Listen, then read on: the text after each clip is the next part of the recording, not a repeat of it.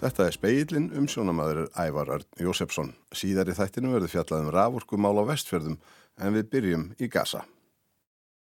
Meira en helmingur bygginga á Gaza hefur skemst eða verið jafnaður við jörðu frá því að stríðið millir Ísraelsmann og Hamas braust út í haust.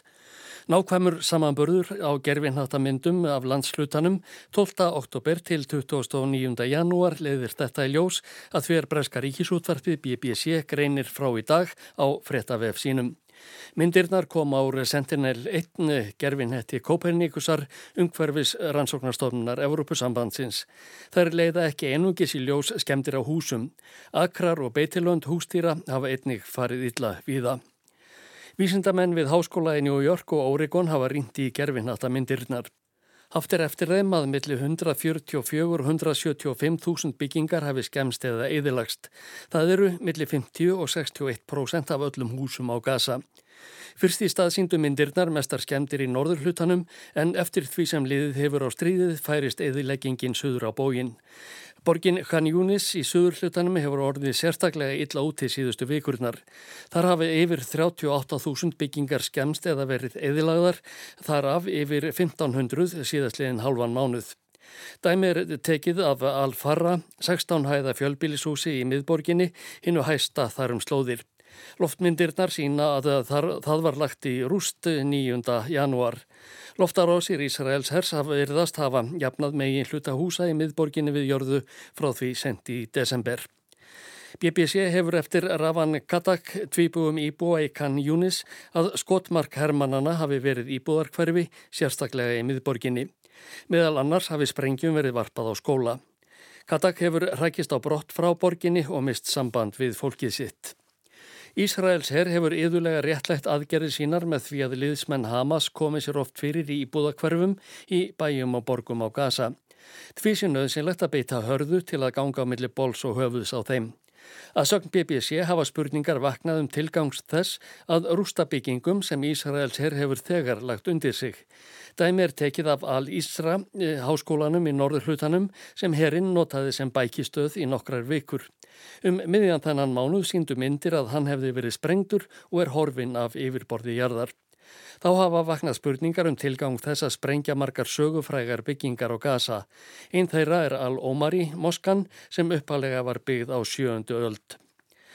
Eitt er skemdar og eðilaðar byggingar af völdum hernaðaraðgerðana sem staðið hafa hátt í fjóra mánuði. Hitt er manntjónið. Samkvæmt upplýsingum heilbreyðisráðunettisins á Gaza sem saminuðu þjóðurinnar telja áreðanlegar hafa 26.900 fallið frá því að stríðið braust út, þar af 150 síðastliðin sólarhing. Fjöldi særðra nálgast 70.000. 11.000 börn hafa látið lífið. Fjölmörg eru munaðarlaus. Í nýri skýrslu Euromed mannrettindasamtakana kemur fram að yfir 24.000 palestinsk börn hafa mist annað foreldrið eða bæði síðustu mánuði. Barnahjálp saminuðu þjóðana áallar að 19.000 börn séu munaðarlaus. Í sömum tilvökum eh, komust þau ein af þegar sprengja lendi á heimilum þeirra. Önnur hafa fundist við eftirritt stöðvar hernámsliðsins á sjúkrahúsum eða vegalös á götum úti. Íðulega gengur erfiðlega að hafa upp á ættingum sem geta tekið börnin að sér, segir Jonathan Kriggs, talsmaður barnahjálparinnar í Palestínu. For the youngest one they very often cannot even say their name. Even the older one, they, they are usually in shock. Yngstu börnin geta ofta ekki sagt hvað þau heita og hinn eldri eru yðurlega í losti, segir Kriks. Ef helbriðis og hjálparstarfsmönnum tekst að hafa uppi á ættingum þessara munaðurlösu barna kemur oft í ljós að aðstæður þeirra eru erfiðar, til dæmis vegna þess að þeir þurfa sjálfur að ala önn fyrir sínum eigin börnum. So sometimes it's difficult, if not impossible for them to take care of those unaccompanied and separated children. Stundum er því erfitt ef ekki ómögulegt fyrir ættingjana að taka á móti þessum vegalösu börnum, segir Kriks. Í Jérúsalem Post kemur fram í dag að anduð á gýðingum hefur farið sívaksandi í heiminum frá því að stríðið bröst út. Í skýrslu sem heimsamband síjónista og fleiri stopnarnir tóku saman kemur fram að hún sexfaldaðist frá oktober til áramóta borið saman við ástandið frá upphafi árs 2023 til september loka. Anduðin hefur vaksið um 43% í bandaríkjónum og 35% í Evrópuríkjum. Þá hefur árásum og ofbeldisverkum gegn gýðingum fjölgað til muna. Ástæðan er engum rækinn til viðbræða Ísraels manna við hruðiverka árás Hamas 7. oktober. Lang flest hafa ofbeldisverkin eh, hlutfalslega verið fram inn í bandaríkjónum, þá koma Bretland, Þískaland og Frakland. Jérúsalem Post hefur Amikai Chikli, ráð þeirra útlendingamála, að ástandið hafi ekki verið verra síðan á fjörða áratug síðustu aldar. Gýðingar séu hverki lengur öryggir á Vesturlöndum. Heyrist er tala hebresku í jarðlestum í Evrópu séu þeir barðir og myrtir ef þeir bera Ísraelska fánan á götum úti. Áskeir Tómásson tók saman.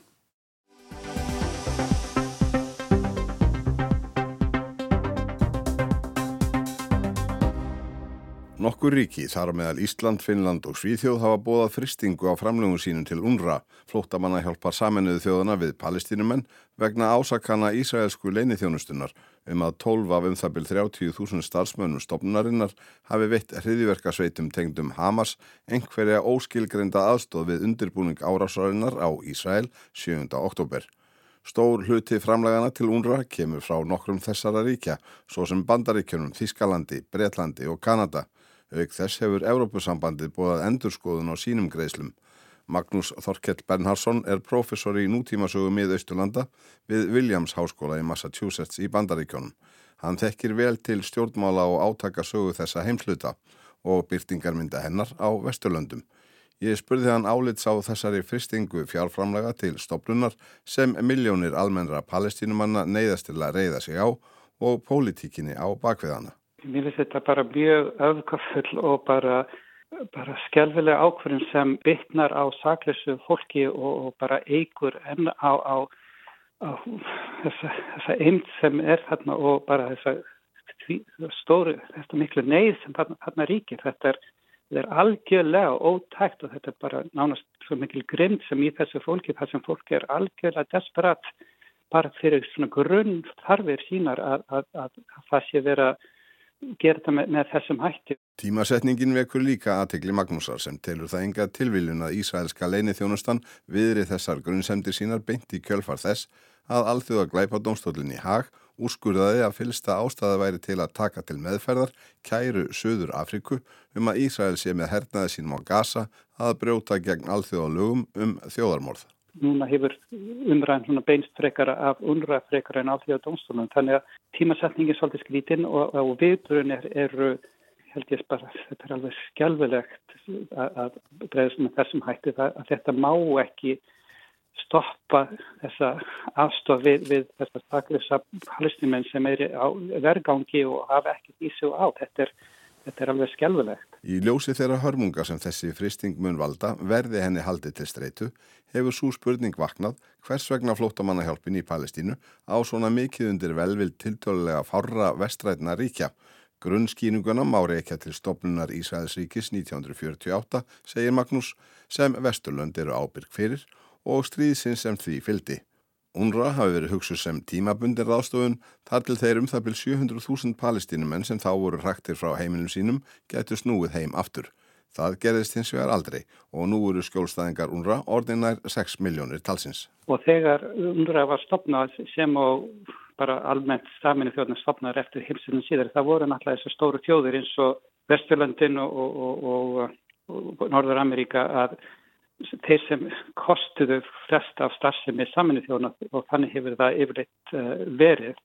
Og það er bara mjög til dæla nýlega það sem persóflóríkin hafa haft ykkur að burði til að vera að taka þátt í ykkur alþjóðlega samfélagin en þeir hafa ekki litið á unra sem endilega ferra svona málefni og Arabar hafa stutt málstað palestínumanna með einum og öðrum hættin ekkit endilega gegnum slottumann hjálp saminu þjóðana. Nú eru hins vegar breyttir tímar. Neiðin á Gaza er meiri en nokkru sinni og algjört hrun vofir yfir neyðaraðstóðinni ef ekkert breytist.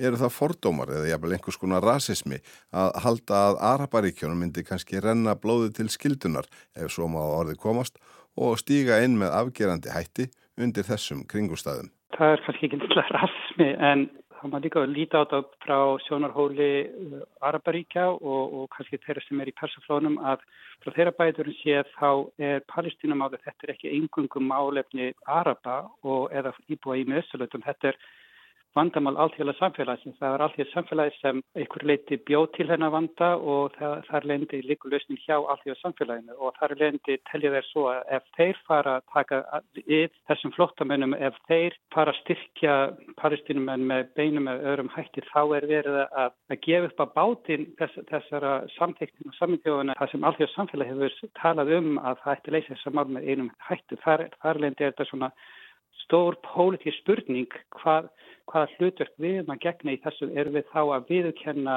all, allt þetta óreallæti og bara, þú veist, líða, láta það bara eins og ekki tafi gerst og bara leysa henn að venda við yfir leysa henn að venda. Þeir, þess vegna eru þau kannski oft treyið til að taka við þessum málum með þessum hætti. Þess vegna hafa suma sem Arabiríkjum ekki vilja að veita halsinsku flottamönnum ríkisborgaríat. Það er, það er, það er ekki endilega allir sem gera það og það er vegna þess að þeir telja að þessir palestinumenn eiga sjálfsög að fara aftur heim. Einning ber að hafa í huga, segi Magnús, að persaflóaríkin sem nú eru uppi voru fæst stopnuð fyrir ennum miðja síðustu öld og skiptu sér lítið af því sem framfór í Palestínu lengi framanaf, öfutu þau sem rótgrónari voru og nær Palestínu í rúmi, svo sem Egiptaland, Jordania, Líbanon og Sýrland.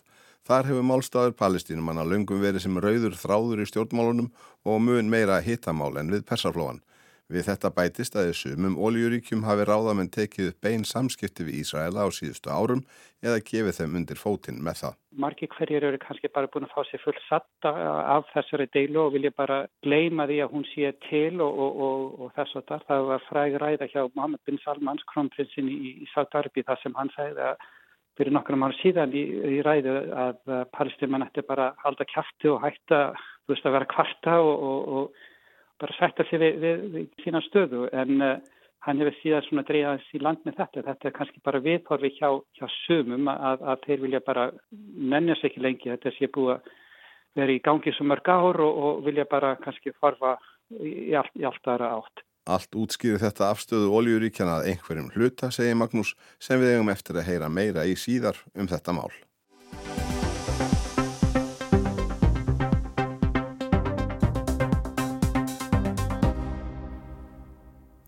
Lítil orkuframleysla, takmörku flutningsgeta og annmarkar á dreifikerfi ramaskera vestfyrningum erfitt fyrir að taka þátt í bóðuðum orkuskiptum landsins. Einn virkjanakostu sem gæti leið stóran hluta vandans, ylli jafnframt miklu raski í Vassfyrði, það sem hefur verið friðland í 50 ár. Frá 19. janúar og þar til í mæ brennir orkubú vestfjörða ólíu til að framleiða ramagn, af því að virkjanir á svæðinu framleiða ekki næga orku. Alls fara um 3,4 miljónir lítra á kallana. Það myndi döga neyslugrönnum bíl til að keira 680 miljónir kílometra eða um 500.000 sinnum ringinum landið á þjóðvegi 1. Guðlaugur Þór Þórðarsson, umhverfisráð þeirra, segir stöðu vestfyrðinga ósangjarna. Eh, við þekkjum öll vandamálið. Það er eins og við höfum tekið vestfyrði og sagt við þetta fólk því með ekki vera með þegar kemur að eh, grænu orkubildingunni.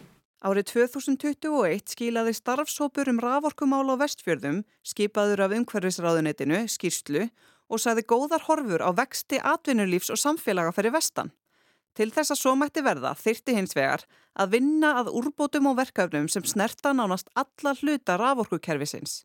Elias Jónatansson, orkubústjóri, segir mikið vanta upp á.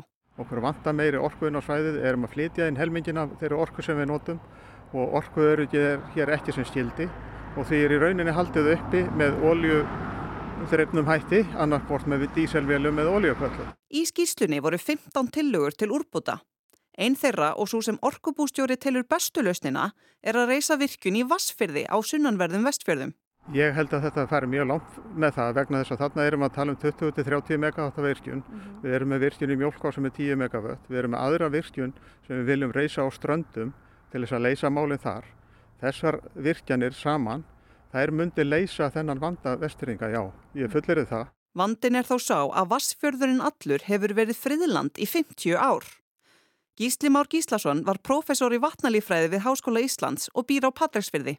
Hann segir friðlandið í Vassfjörði dýrmætt. Þetta væri ekki friðland nema því það þóttu nöðsilegt að taka það frá sem friðli svæði sem dæmu um vesturska skó uh, friðsæl dalur með ríku dýralifi er með á sem er bæði með lags og, og bleikju. Þetta er eitt gróðsælsti dalur hér á vestjörðum og eitt, svo stærsti.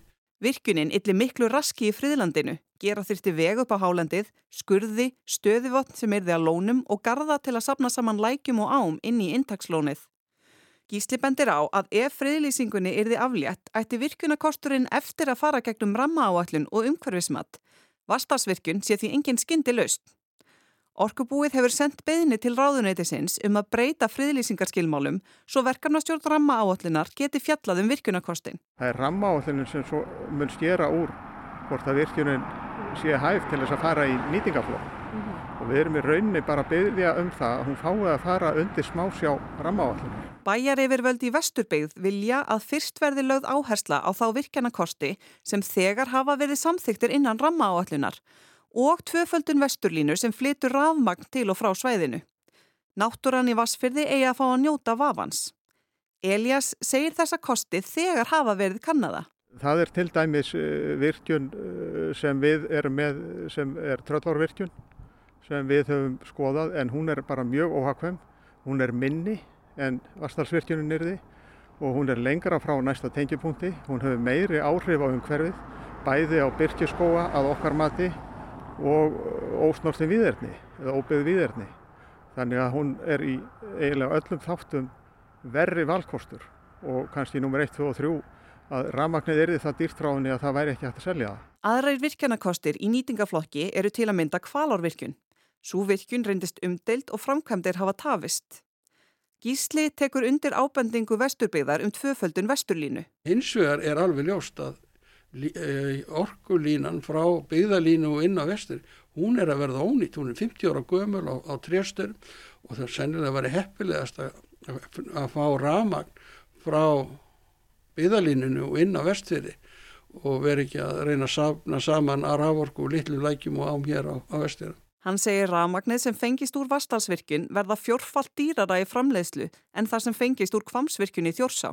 Auðvitað á Ísland að vera á einu raforku kerfi og þá að tryggja það að rama komist frá virkunum og til allra staða lands. Káranjúkavirkun er ekki kerð á fullum ákastum af því hún flytur ekkit ramagn út fyrir alkoaversmiðinni reð, á reðafyrði. Margir harma spartnaðinn sem ollið því að ekki var raust tvöföld lína á sínum tíma. Elias segir orkubúið hafa skoðað tvöföldun línunar. Spurningin er hvað það tekur langan tíma vegna þess að vesturlína er 160 km laung þarf að fara í gegnum rúmlega 70 jarðir og þar þarf að ná samningum við tæplega 300 landegundur og það er heljarna verk og, og tímafrekt. Í ofanálag er einfalda byggðalínan sem fyrir er komin til ára sinna og þarnast endur nýjunar. Svo viðgerð verður kostnaðarsum. Við teljum að kostnaðarum við að leggja svona línu liggja á bylunu 12-15 miljardar, 160 km langa. Ef það eru tvær þá, þá er það tvöföld trútala, nálgast 30 miljardar. Tvöföldun skapar orkubúinu engar nýjar tekjur. Virkun í Vastal vægi upp á móti kostnaði með auknum tekjum. Þó virkunin væri ekki nema 20-30 megavött á hún að minka spennu vandamál sem takmarkar fluttning gravorku. Niðurstaða starfshóps ráðuneytisins er að virkin í Vastal gæti bætt fluttningskerfi raforku á vestfjörðum meira en tvöföldun vesturlínu. Orkubúið er einnig að bóra eftir heitu vatni til kyndingar. Víða á vestfjörðum er rafkynding sem eigur álaga á kerfið. Fyrstu bóranir benda til þess að vatnið sé í kaldara lægi en gæti nýst með varmadælum. En eru lausnir sem við erum með í huga varðandi hittaveitunar. Er byggja meðal annars á því að við þurfum aðgangað forgangsorku á vestfjörðum og hún þarf að vera vestan við tengivirkið í mjölká. Ímsir enga aðelar séu jafnframt að sækja um virkunarleifi fyrir smerri virkunum og þær vinni vel með einni stærri virkun eins og þá sem orkubúið vil reysa í Vassfyrði. Umhverfisráð þeirra segir að ekki hafi verið tekin ákverðun en unnið sé eftir öllum tillögum starfshópsins og málið sé brínt. Að samaskapi þar eins og allstað annar starf þá erum við alltaf að líta til þeirra verðmæta. Það er verðmæti og, og verða sífjöld verðmætari sem er náttúrun okkar. Það, við erum ekkert að gefa eftir í því. Það var Greta Sigriður Einarstóttir sem tók þennan pistil saman. Fleira er ekki í speklinum, tæknum að var Magnús Þórsett Magnússon, hægtur að hlusta á þáttinni spilar á rúf og helstu hlaðvarps veitum, veriði sæl.